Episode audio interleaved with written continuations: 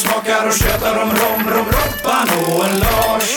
Rum, rum, rum, rum, the rum, rum radio. Hallå och välkomna till Romradion, Sveriges första podcast om rom. En romfokuserad podcast som diskuterar alla saker relaterade till rom med personer från hela romvärlden. Av och med Robban och Lars här, som ger dig som lyssnare underhållande och informativa intervjuer med romentusiaster och branschpersoner. Hallå och välkomna alla romälskare till det här fantastiska avsnittet av spansk rom. Spansk stil, spansk skola. Ja, you name it, Lars. Chapon har många namn säger man. Ja, så är det.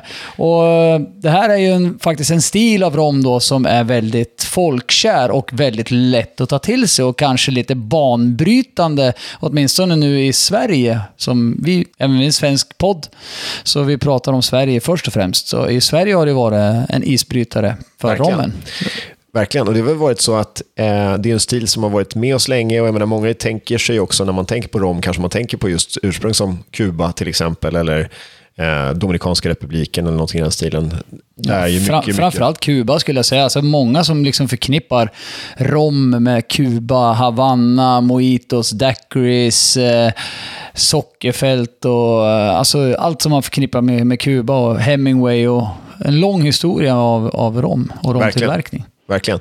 Och eh, det kan man ju säga att eh, det märkliga är ju att lite grann då att det, det här är det som vi framförallt förknippar med rom, samtidigt som det på sitt sätt är en, eh, kanske inte den nyaste stilen, för den franska stilen är nog på sitt sätt den allra nyaste i, om man ska säga något historiskt perspektiv. Den engelska förmodligen den äldsta, men den spanska kommer någonstans där strax innan den franska börjar liksom växa fram i ja, början på 1800-talet kan man säga framförallt. Eh, Men om vi ska bara definiera vad, vad Sen, sen kanske det bidrar ganska mycket också med att, att många förknippar eh, Kuba med rom. Mm. Säger man eh, rom så säger folk ja, Kuba och så. Eh, men det kan ju ha att göra med Bacardi som är grundad i, i och flydde under efter, eller vid revolutionen. Mm. Flydde, men Bacardi är ju kanske världens största rommärke-ish. Mm. Alltså ett av världens största rommärke.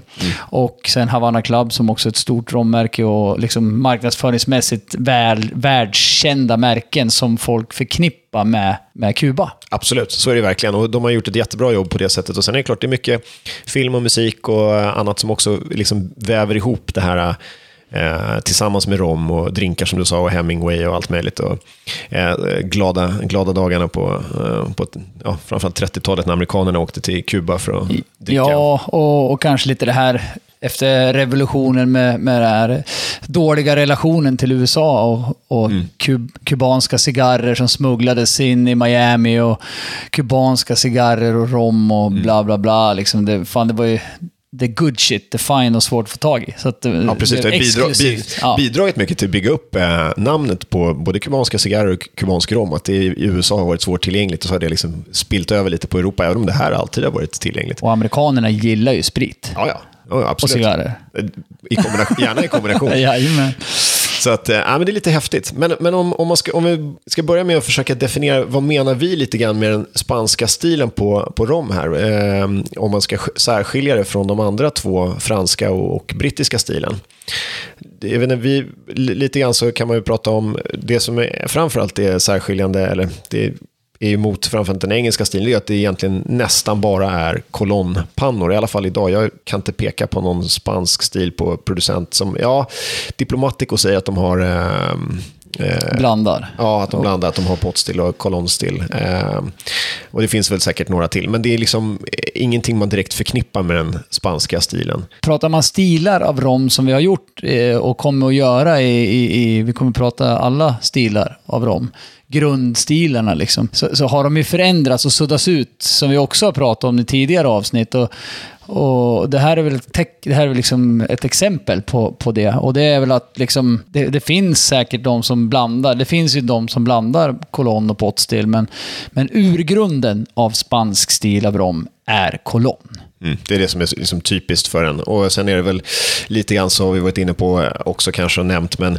vi pratat tidigare avsnitt har vi pratat om eh, fermentering eller jäsning. Och här brukar man väl säga att den i den spanska stilen är en lite kortare jäsningstid. Eh, man jäser inte lika länge som man till exempel gör på Jamaica eller på eh, en del andra håll i... Nej, och framförallt så jäser man väl under mer kontrollerade former om man jämför med Jamaica till exempel, där man använder de här öppna eh, jäsningstankarna och husen så att säga.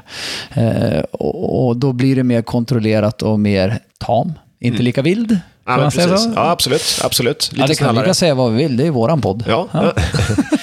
precis. Det är skönheten. Mm. Men, men eh, det är helt riktigt. Alltså det är också ett typiskt särdrag, för, tycker jag, då, för den spanska stilen. Det är just det här, alltså, de lite kortare jäsningstiderna ger en lite snällare, eh, mildare rom som inte är så mycket kraft och inte lika mycket smak. Och Det är väl också därför den är ganska populär. Både i drinkar, den tar liksom inte över, men också för folk att dricka rent. Eh, att att den är liksom mer ganska lätt tillgänglig.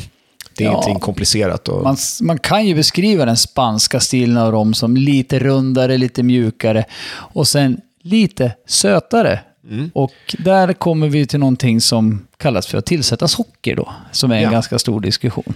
Det är det absolut. Och den är väl framförallt eh, vanligare i den här spanska stilen, mer vanligt förekommande i alla fall. Och det beror ju delvis på att alltså, Mer, mer okej. den är mer okej.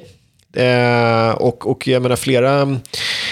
Även om här, traditionen att söta rom har funnits på många, många håll i Karibien, eh, så har den funnits eh, bland annat i, i de här spansk, före detta spanska kolonierna, liksom, eller spansktalande länderna, och på något sätt liksom, kanske levt kvar eh, lite tydligare. Även om jag också lite grann föreställer mig att eh, mycket av det här försvann under 1900-talets början när man började göra riktigt bra sprit. Alltså när kolonnpannorna var bra och liksom kvaliteten Ja. på sprit blev bra, behövde man inte söta upp den så mycket. Men sen så kom det tillbaka lite grann igen för ett antal decennier sedan som... Eh, I grunden så är det väl liksom skicka in lite socker i någonting som inte är speciellt rent och, och bra att dricka, som Mm. smakar skit. Eh, Skit är väl att ta i kanske, men, men, men som smakar riktigt illa. Så kan man stoppa in socker så smakar det, blir rundare och mjukare och, och lite snällare och lättare att dricka. Ska man dra en parallell till ginvärlden kan man ju prata Old Tom. Ja. Det var ju samma sak där. Ginen på 1700-talet var inte så ro- rolig att dricka. Man sötade upp den eh, och då blev den mer behaglig. Eh, och det är li- lite grann samma tanke här. Vi kan ju även gå till liksom från, från ren sprit till cocktails. Varför blev det grogg eller cocktails? Det var inte så gott att dricka rent. Nej, precis. Så precis. man börjar spä ut med whatever. Ja, det man hade helt enkelt. Eh, Så det är också någonting som kanske är mer eh, typiskt för den spanska stilen som inte förekommer alls nästan i den franska och eh, till mindre del i den brittiska stilen. Så länge man håller sig, återigen, Till viss del. Ja, så länge man håller sig på plats i Karibien. Men när då rommen landar någonstans i Europa, då, kan det vara, då säger ursprunget väldigt lite om hur, hur rommen så att säga, smakar i slutändan. För att Ja, det kan mycket pr- ha hänt på vägen. pratar vi om oftast independent bottler Mm. av olika märken. Precis. Så, så då är det ju helt okej om man buteljerar i ett annat land än Jamaica eller Barbados och framförallt där, där man inte får. Och även Kuba va? Mm. Precis. Eh, Men just på, på brittisk stil då, så, Mm. då, då behöver det inte betyda att det inte är socker i om det är Exakt. buteljerat någon annanstans. Utan oftast så betyder det att det kan vara socker i. Exakt. En väg att gå- kringgå det, så att säga. Men om man, ska, om man ska kort sammanfatta det så kan man säga det just att eh, typiskt för den spanska stilen det är kolondestillation, kortare jäsningstid och eh, kanske just då också att man eh, lite mer sällan ser spansk stil på rom i högre eh, alkoholstyrka. Alltså både fransk och brittisk rom kan ofta gå uppåt en 60 procent, det är inte ovanligt, i alla fall 50. Men det är sällan man ser eh, spansk stil på rom på någon högre alkoholhalt än 40 procent. Ja, det är helt korrekt. Det är väldigt sällan man ser någon cask strange eller eh, den typen av eh, high overproof rom som kommer från, eh, från eh, spanska stilen. Mm. Men det har väl också lite grann att göra med alltså, kulturen, hur man dricker det. det. De dricker gärna isen, kanske på, nå- eller vad säger isen, rommen på, på is helt enkelt. Eh, och eh, det ska vara ganska lätt och inte för tungt och komplicerat. Liksom, utan en, Men det är också det är ett varmt klimat, man dricker, man dricker rom till vardags på ett helt annat sätt än vad vi gör.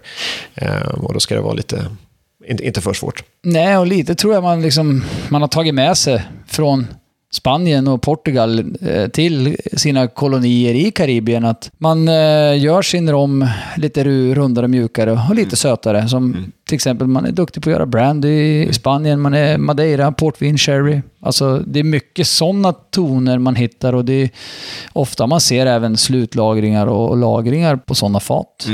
Även att man använder det här Solera-systemet som kommer från sherryn. Det är som en seriekoppling av fat som, eh, som blir som en blend, slutet blendsystem. Eh, som gör att den blir rundare och, och lite mjukare. Mm. Ja, precis. Och det är tydligt just den här, det, det är ju därför de här namnen, spanska, och brittiska och franska, på sitt sätt är ganska bra. Därför att de kopplar den här liksom, traditionen som man hade med sig från hemlandet och hur tydligt den fortfarande till viss del eh, finns kvar. Eh, så att, eh, det är lite spännande. Men om man tittar rent eh, tillbaka lite grann så, så är ju så att säga, många tänker sig kanske att den spanska stilen är den mest ursprungliga med tanke på att Columbus då, han var ju i och för sig inte alls spanjor, men han seglade för den spanska kronan och var ju först så att säga i från som europé i, i En, Västindien. en av de första. En av de första, ja. Ja. precis. Det är, det är inte helt säkert att han var helt först. Vi ska inte ge oss in på Nej. någon historia. Nej. Så att det som i alla fall är tydligt var ju att på sin första resa tillbaka så, att säga, så hade de sockerrör och eh, började sina första försök i alla fall att plantera sockerrör på Hispaniola. Eh, sen gick inte det så jättebra utan det, det tog ett antal omgångar innan man faktiskt eh, lyckades etablera någonting ordentligt. Men Eh, spanjorerna var ju tidiga med att börja odla socker och först hade de innan det hade man gjort det ibland på Kanarieöarna eh, för liksom, eh, försäljning av socker hem till Europa. Men sen så när man då hittade de här öarna i Karibien där klimatet var ännu mer gynnsamt eh, så såg man genast att här fanns det stora möjligheter som att sockret var väldigt dyrt. Så att snabbt så var ju spanjorerna där och ja, la under sig eh, mycket territorium och började odla socker och både fransmän och britter var ju snabbt efter och började kolonisera i början på första hälften av 1600-talet. Eh, och sen kom holländarna efter det också, men de fick så små öar att där fanns det liksom aldrig plats för några sockerrörsplantager direkt, vilket gjorde att den holländska stilen uppstod aldrig riktigt någon direkt romstil med, med holländsk stil. Det hade fått bli holländsk genever, så. liksom, romgenever. Romgenever, här så var någonting. Ja. Ehm, men i alla fall, britterna och fransoserna var ju snabbt efter och de, det var faktiskt de som drog igång med de här stora liksom, sockerrörsplantagen och började göra det i mer industriell skala. Det var ju spanjorerna då snabbt efter för att det var väldigt effektivt. Men det som var lite specifikt med i alla fall flera av de spanska kolonierna var att de fick inte tillverka sprit själva. Till exempel i Mexiko eller på Kuba så var det förbjudet att destillera eh, fram till ganska sent. Alltså Kuba 1796 var första gången man faktiskt fick göra eh, sprit lagligt på ön. Sen hade det naturligtvis förekommit långt före. Det var inte så att kronan hade full koll på vad som hände där nere. Eh, och i Mexiko var det ännu senare. Eh, men det byggde på att man i Spanien hade liksom inställningen att eh, man skulle sälja spanska produkter ner till kolonierna så att eh, hemlandet skulle liksom tjäna pengar på det här. Eh, Medan man i eh, bland annat de brittiska kolonierna var tvärtom, att de skulle producera varor och sälja hem till hemlandet och andra länder. Typ som socker. Typ som socker, precis. Men, men det gjorde då att den spanska skolan kommer igång något lite senare. Den spanska stilen kommer igång lite senare än den franska och brittiska.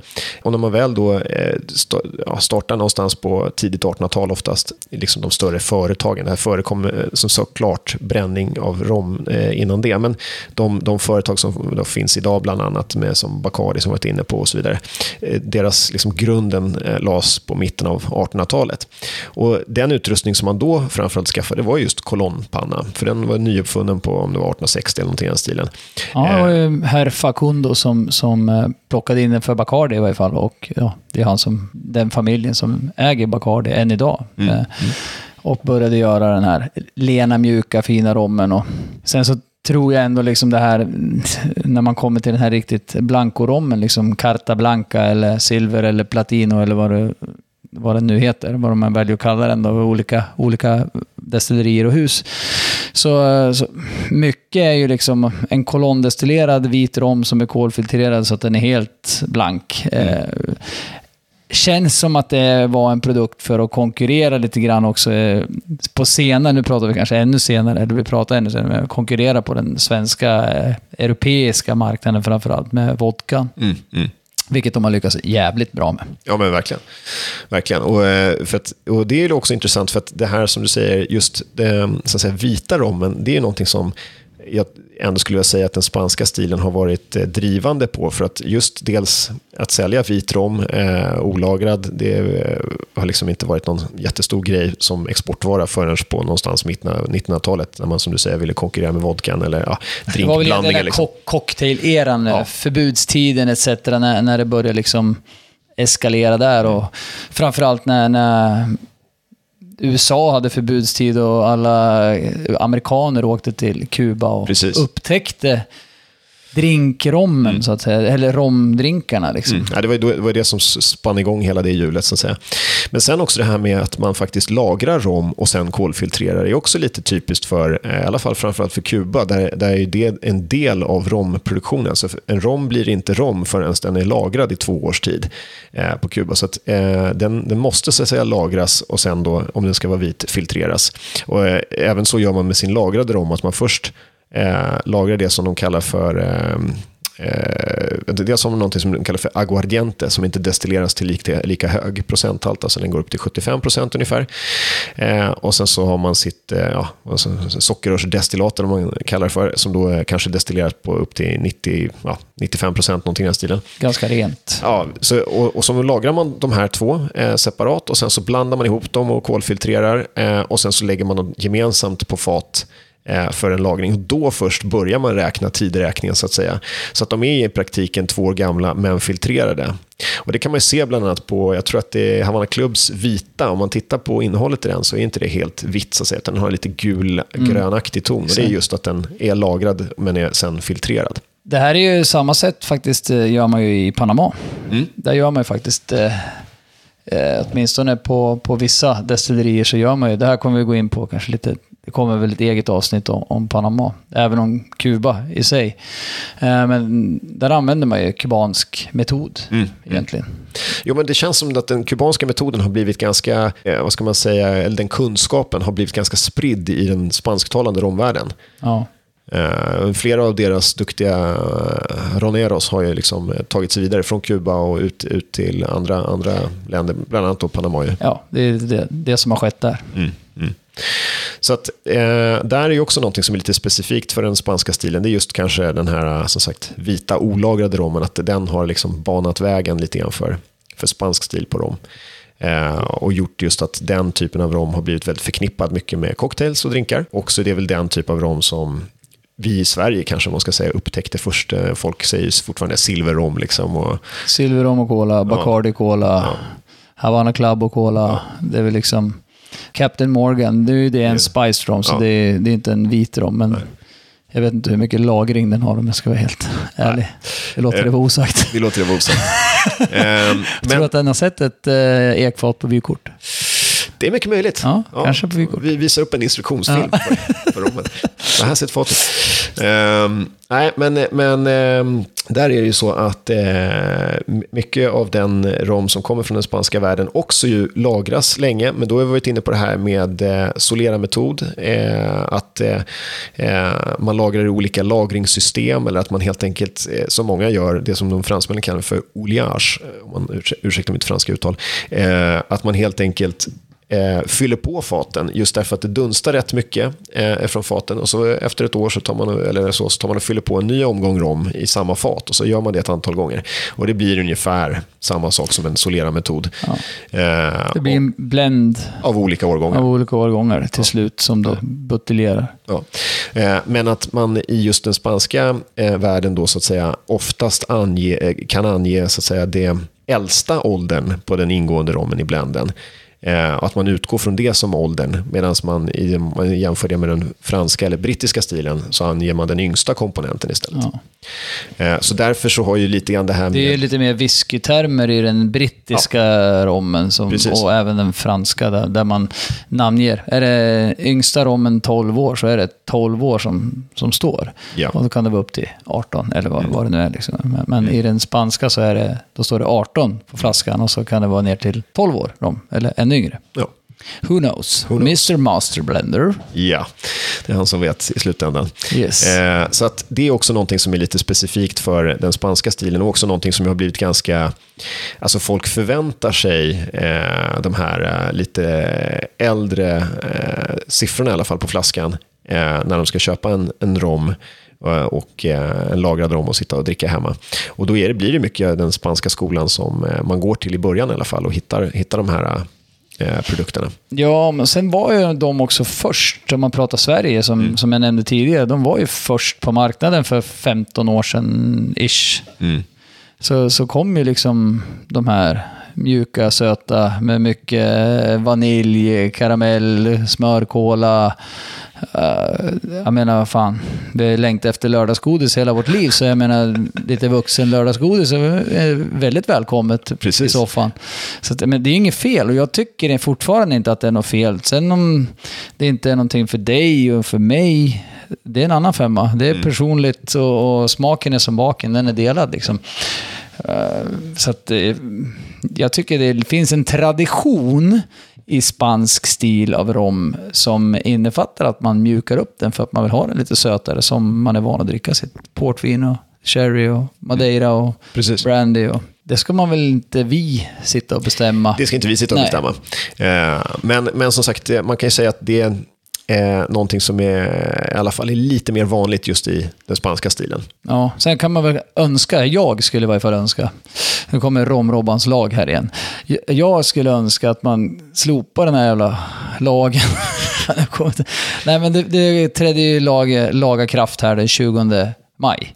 Att för att kallas rom i Europa så får man inte tillsätta mer än, eller får inte innehålla mer än 20 gram socker per liter. Eh, ja, vad, vad, vad ger detta? Nej, precis. En annan hylla på Systembolaget, ja. Mm. Smaksatt sprit. Alltså för mig så jag skulle vilja ha en innehållsförteckning vad man har gjort istället. Så att gillar du sötrom, vänder du på flaskan och så läser du, ja den här innehåller si och så, och så vet du vad du tycker om. Ja, då är det enkelt. Gillar du torrare, ja då vet du det. Mm. Det är bättre att sätta en innehåll, äh, sätta, ja ni måste deklarera vad som är, som det är på ICA eller Coop. Mm, När du köper någonting. Kolla på baksidan, slipper köpa grisen i säcken. Enkelt Mm. Exakt. för mig, men det, jag vet inte, vem är jag? Nej, men det, jag, jag tror att det har att göra med att eh, det blir väldigt svårt för vissa producenter då, eh, med, som är ganska stora, som kanske inte vill tala om riktigt för. Nej, men det är ju ingen som vill tala om att de tillsätter socker. Nej. För det är ju till, Nej, och det det, här är inte fult. bara, det här är inte bara rom, utan det här gäller ju all möjlig sprit. Ja, eh, så att eh, många sprit Men nu är det ju en rompodd, så kan vi inte prata om ja, ja. Nej. Stryker det. Ehm, men, men, äh, men helt riktigt att man kunde vara tydligare med att informera. Nu, På Systembolaget så står det ju faktiskt, i alla fall produkter som finns i deras fasta sortiment, så står det ju då hur mycket tillsatt socker, så- eller Ja. hur mycket sockerhalt så att säga, det finns i produkten. Och det gör det för, för alla, alla Ja, Systembolaget är bra så, men sen kan det vara kul om man åker på en resa och handlar i taxfree eller, eller om Ja, eller man beställer på nätet bes- eller, ja, eller beställningssortimentet. Mm. också. Liksom. Så det är kul att läsa om produkten, vad det är. Det är ju det liksom. Vad, vad köper jag? Alltså, det är inte kul om jag säger att jag gillar bara torr, stenhård, eh, osötad brick, brittisk rom. Ja, det gör jag ju visserligen, men, men ja. Men då vill inte jag ha en, en sockersöt romlikör med 50 gram socker per liter. Exakt. Nej. Så att, eh, det- och är det- man det- inte novis eller liksom insatt, då är det, det är även svårt för dig och mig som, om vi hittar någonting som vi inte vet vad det är. Liksom. Exakt. Nej, Det, det dyker upp nya producenter hela tiden. Och som du säger, är de då eh, buteljerade utanför Karibien, då vet man ju inte riktigt. Nej, just det här med Och- independent bottlers. Så att, eh, Oberoende buteljerare om man ska Ja. översätta på svenska. Det är en svensk rompodd. Bra där. Ehm, så att, eh, och, och på så sätt så vore det ganska, ganska schysst att veta. Så att, nej. Känner du att jag blev lite upprörd? Ja, ja, men alltså det, här var är- inte meningen. Det här är Jag ber om ursäkt. engagerar. Ja. Det, det är viktigt. Det är bra att man känslor, känslorna kommer fram genom mikrofonen. Lars börjar titta lite konstigt på mig. Jag är orolig här. Ja, nej, men så, så är det väl. Men ehm, om vi ska säga några till avslutande ord om den spanska skolan. Du har ju varit och rest ganska mycket i de här eh, romproducerande länderna som är, tillhör den spanska skolan. Vilka framförallt var största, främsta intrycken? Alltså, jag har ju varit på Kuba, jag har varit på Puerto Rico, jag har varit i Panama, Costa Rica, Nicaragua. Eh, ja, några till. Men, men, men med flera. Och eh, alltså det som har satt... Nu, nu har jag en stor kärlek till Panama. Och... Eh, eh det är bara för att jag har skaffat mig liksom massa personliga kontakter och jag var varit runt och, och blivit väldigt personligt engagerad. Jag har varit där eh, typ fem, sex, sju gånger ish. Så um, jag har varit på, på destillerier och jag har varit på buteljerings och bodegerna och lagringshusen och allting. Och träffat masterblender, framförallt då Don Pancho från Kuba från början och, så, som har satt en, en stil på sin rom där. Han gör ju rom till hela världen. Det är det också. Det är så här, det känns så okontrollerat, den spanska stilen. Eh, Kuba är ju otroligt styrt kontra Panama. Liksom. Eh, Det, är väl, det, är som, det är som natt och dag, skulle jag säga. Alltså det, det går inte att säga så här, du, att det känns som att det är samma stil. Nej, verkligen. Förstår vad jag menar? Det, det, det känns inte som det är samma stil. Jag menar Havana Club, det är Havana Club, det är ju på Havana, det är Kuba liksom. Så Det är liksom styrt med järnhand, alla andra små destillerier också, så allting är ju statligt. Så är det ju inte i, i Panama. Nej. Även om vissa destillerier är statliga där också. Så, så att eh, det är en annan podd. Korruption, romkorruptionen ska det heta. Nej, men, men, och sen Nicaragua är ju också ett, ett Flor de Caña till exempel. Då, som, som, det är ett, jag var ju där för jätte, jätte, jätte, jättelänge sedan. Och det har jag haft resor upp och ner med allt ifrån eh, miljö och, och hur man tar hand om sina arbetare och, och fram och tillbaka och hur man gör om. Och från det till eh, idag riktigt bra klassificeringar och tagit tag i, i problemen. Mm. Ja, men precis. Jag tror att de, de insåg allvaret och, och gjorde faktiskt någonting åt det. Sopade inte Mm. Ja, de blev mattan, lite utan- bannlysta Ja, också. ja, det, det var var- liksom det så var att tufft eh, de, de eh, var tvungna att ta tag i problemet. Och det där är en lång diskussion och jag har en del åsikter om, om si och så där också. Och, och, eh, men det är en- ett jävligt bra destilleri idag. Punkt. Mm. Så att det är så olika. Det är så olika. Alla länder sker. Puerto Rico, där Bacardi ligger, då, så var jag på Bacardi självklart. Don Q har... Eh, alltså, det är ju liksom... Det är ju väldigt organiserat, det är väldigt strukturerat, det är liksom så kliniskt, turistigt eh, fräscht. Eh, sådär. Det är en jävla skillnad mot att åka ut till Herrera-distriktet i Panama, mitt ute i fucking nowhere. Liksom man trodde att man har åkt till man höll på att dö. Eh, för att gå runt på en, kolla på en skitig kolonnpanna. Ja, men, men mer äkta på något sätt, fast ja, ändå. Jag vet inte. Det är svårt. det- Jag tycker inte att det är som samma. Jag kan inte säga att jag känner, får en, en, en, en gemensam känsla att så här är spansk stil av rom. Utan det är väldigt olika beroende på vilket land du är i. Mm. Ja, men det, det kan jag nog eh, känna igen också från det jag har sett. Att, Sjukt rörig förklaring. ja, bra förklaring ändå. Nej, men, men, eh, men just det här att, att och det är så, som du säger, det är så stor skillnad på små och stora producenter. Och det är det ju oavsett eh, vilken stil vi pratar om. Men, men det, det, det är verkligen, verkligen tydligt. Det, så är det ju. Jag menar, det är skillnad att åka på Carlsbergs och, och, och, och brygghus och åka på ett mikrobryggeri i... i Säffle. Ja, precis. Bra. Ja. Eh, Så att, eh, nej men verkligen, det, eh, så är det ju. Och det, det är klart att det är som, som vi säger, det är över alla stilar. Men på något sätt så känner jag också lite grann, alltså i den brittisk, typiskt brittiska stilen så är det, vad jag har sett, mer snarlikt me- mellan de olika destillerierna. Visserligen såklart, Jamaica är ett jätteundantag eh, där också antagligen med liksom precis hur det fungerar och så. Fast de är lite olika där också. Jo, absolut. Alltså på Jamaica. Det är, det är liksom, måste säga, om man jämför då.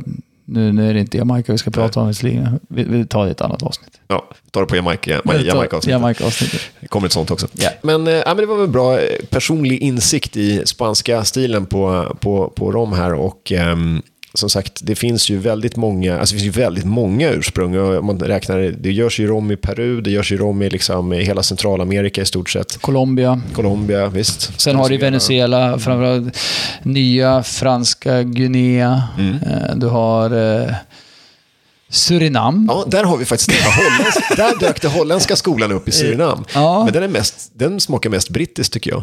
Ja, alltså jag tycker nästan att eh, det är ett eget avsnitt, Surinam. Ja, vi måste göra ett eget Ja. avsnitt. Det, så är det bara. Det Vi har det, är lite internt där. Ja, det är internt, men det kom- vi sparar det till det avsnittet. till det avsnittet. Ja, härligt. Men då tänkte jag att vi ska faktiskt eh, ta och eh, ge oss på och eh, prova lite rom.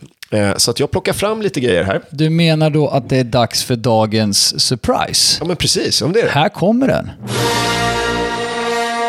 Spännande! Riktigt spännande. Nu undrar man Jaha. faktiskt vilken, vilken, eh, vad som kommer i här då. Men eh, vi öppnar en flaska här ska vi se. Där har vi lite rom här. Musik, säger jag. Musik i mina öron. Eh, då ska vi se, det börjar från din vänstra sida här. Det där ser lite suspekt ut. Ja, det här är en liten, Den är helt vit. Helt blanco. en liten glasflaska här. Crystal clear. Precis. Eh, Lars bjuder på vatten. Exakt. Det är svåra tider nu. Eh, nej, men här har vi då en rom som faktiskt är just det som vi var inne på. Det här är en kubansk rom. Den är lagrad i tre år och sen filtrerad. Och just när de filtrerar på Kuba så använder man både eh, kol, aktivt kol, eller liksom, ja. Eh, men man använder också faktiskt kokosnötsskal, alltså typ rostade kokosnötsskal i den här mixen när man filtrerar. Eh, och det får bort väldigt, väldigt mycket av färgen. Och det här ser helt klart ut, men skulle vi se den här i en stor bulk, alltså en stor behållare, då kan man nog ana att det finns en liten, liten, liten, liten färgnyans. Det går inte att se de här glasen. Eh, som går Jag sitter under lysröret och ser, den ser riktigt klar ut. Ja. Eh, men, men den har i alla fall lagrats i då tre år enligt kubansk standard. Det betyder att den först har varit två år filtrerad eh, och sen så eh, fylld på fat och sen så efter tre år så, eh, så tar man ut ur faten och filtrerar. Och sen kan man göra så att om man då vill lagra det igen så fyller de det på fat en gång till. Eh, och eh, så får den lagras. Men i det här fallet så har man då valt att ta ut den så att säga efter, efter den första filtrationen här. Så det är tre år. Ska vi se vad det här smakar för någonting. Ganska lite s- nästan söt och gräsig doft. Ja, bra tryck. Mm. Mycket citrus. Mycket citrus. Ja, det ska tilläggas, den här är ju 65 procent. Smäll, kä- sm- käftsmäll och så jag kan inte ens prata, jag har varit bedövad. Sex, eh, usch. Mm. Det här var gott. Ja, som du säger, mycket citrus. Käftsmäll av citron. Verkligen. Inte i doften, men då är det lite gräsigare. Men, men eh, smaken, eftersmaken där som smällde upp i Jättemycket gommen citrus, som en ja. jävla pistolskott, det var ju bara citron. Sö söt citrus. Säkert eh, svingod i en drink. Ja, men det tror jag. Det tror jag. Eh, och det är klart att det, det här har vi styrkan mycket med, med liksom den här vita spanska rommen. Just, det, jag tror att, alltså, även om lagringen till stor del sker på lite äldre fat, eh, som inte ger så mycket av de här vaniljtonerna som man annars är van vid från, från fatlagring, så eh, här blir det liksom, eh, men det ger en liten rondör och det ger lite mm, ett lager till av smaker, även om de inte är så jättetydliga. Eller liksom. Nej, det var citronen som, som kom fram. där. Verkligen, Men- verkligen. Jag är själv överraskad över hur mycket citrus det var. Eh, då ska vi se, då testar vi, ska vi testa en annan flaska här då. Mm, Se vad vi har i den för någonting då. Här har vi en, eh, en eh, också en kubansk rom eh, från samma destilleri och eh, vi får inte namnge vilket destilleri det här är, men det här ligger på centrala Kuba. Ehm, och här har vi en, enligt kubansk klassificering, femårig rom, också på 65 procent. Oj, vilken skillnad i doft. Ja, det är kul, för det här är alltså samma grundrom, men här har de fått två år till på faten.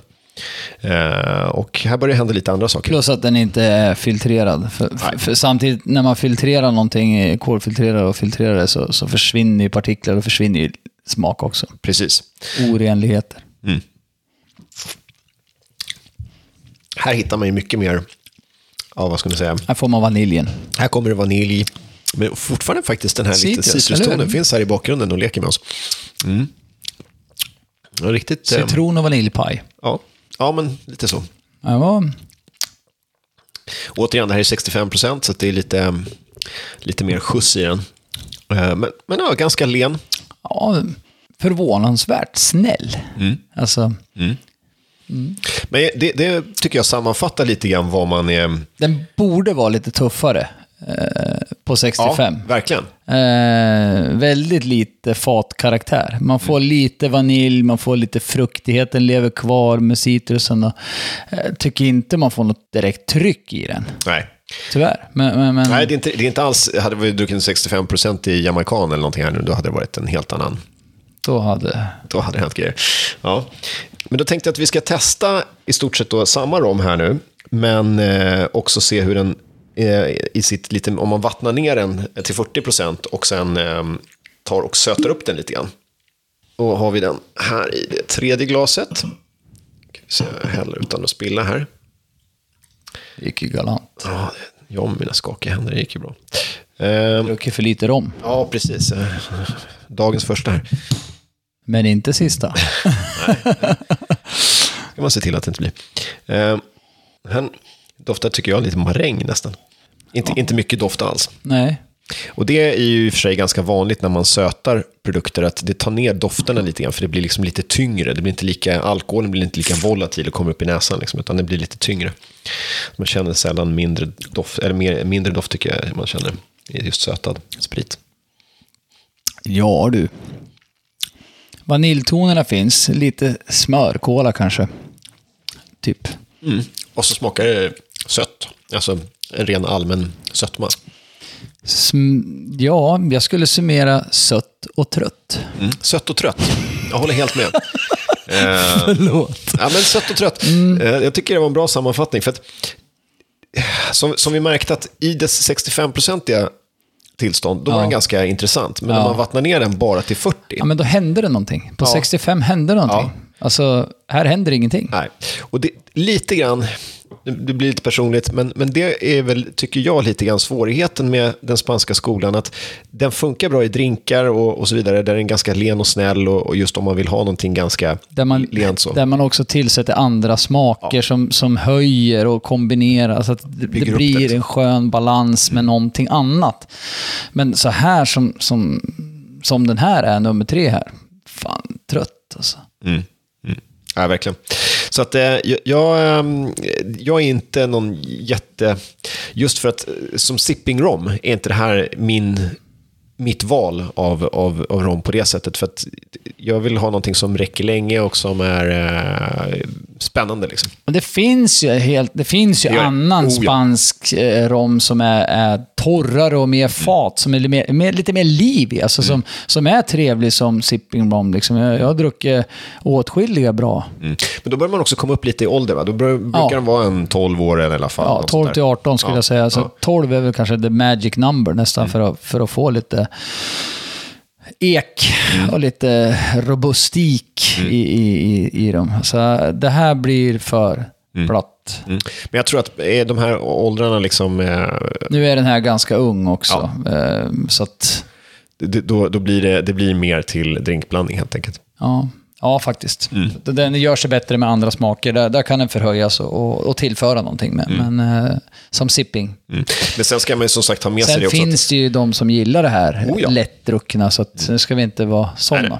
inga smakpoliser. det här var ju lite personliga åsikter. Mm. Utan, Men, men, men det, sen ska man också ha med sig här att även om den här så att säga är fem år så har den ju filtrerats däremellan, vilket betyder att den, den, den blir en väldigt len och försiktiga smaker. Liksom. Det, det blir inte så mycket.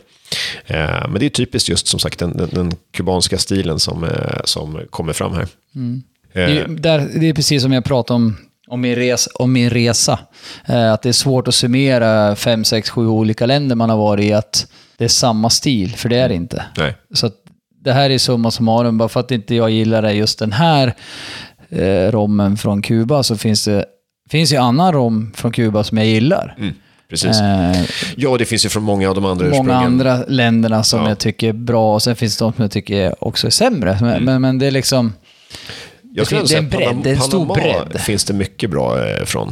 Ja, eh, eh, Just i den spanska stilen. ja du tänkte på dem ja. Ja. ja. Det är säkert mycket annat bra också. Eh, men, eh, men, eh, ja, men för det, det, där finns det ju, alltså, det finns ju ett flertal producenter som har lyckats ganska bra på att ta fram eh, bra produkter och eh, ja. ehm, Ja, men man har gått lite sina egna vägar och gjort lite, lite. Och det är också där vi pratar om att stilen suddas ut. Stil, grundstilarna suddas ut lite grann. Och, och det är inte bara spansk stil, utan det gäller ju även framförallt brittisk och, och, och spansk. Franska är ju reglerad på- på det sättet, om det är agricole vi pratar om. Så den är ju lite mer styrd och den kommer vara lite som den är. Precis som whisky och konjak, calvados, tequila. ganska där, där, givet, där man liksom. har en regelbok. ja. Så att, eh, det är också lite charmen med den spanska, måste jag, det måste jag ge spansk stil av om att där finns det ju utvecklingsmöjligheter. Och man eh, kan göra någonting nytt med den, för att det, det är lite mer, ja, det är lite mer fritt. Mm. Ja, precis. Eh, ja, men okej, men spännande. Då är frågan om vi ska ta och eh, sammanfatta det här lite kort bara då. Just eh, spanska stilen, mer kolonndestillat så att säga, mer tyngdpunkt på det. Lite kortare jäsningstider, vilket ger lite lenare eller mindre smaker. Eh, och eh, lagringen som är på ett lite annorlunda sätt kanske än, än i de andra stilarna. Ja, det Eh. tycker jag låter som en bra summering. Ja, Ja, så att vi tackar eh, för att ni har lyssnat. ja. Och hoppas att eh, ni tycker att det var bra. Jag vill eh, påpeka att eh, ni får jättegärna gå in på vår Instagram, romro, at romradion. Easy peasy. Följ oss så får ni alla uppdateringar. Vi kommer lägga upp när vi gör drinkar, när vi gör provsmakningar, när vi gör ja, event. Vi kommer ha lite tävlingar framöver. Där vi kommer låta både ut... du och jag sitter i fina Vi sitter lite här. fina eh, Romradion t-shirts här. Eh, Romradion podcast. Eh, som vi kommer lotta ut. Så häng med på den här romresan. Det kommer bli skitkul. Så tackar vi för det här, oss för den här gången och eh, På vi återhörande. hörs snart igen. Rum, rum, rum, rum, the rum, rum radio. De dricker och smakar och tjötar om rom, rom, Robban och en Lars. Rum, rum, rum, rum, the rum, rum radio.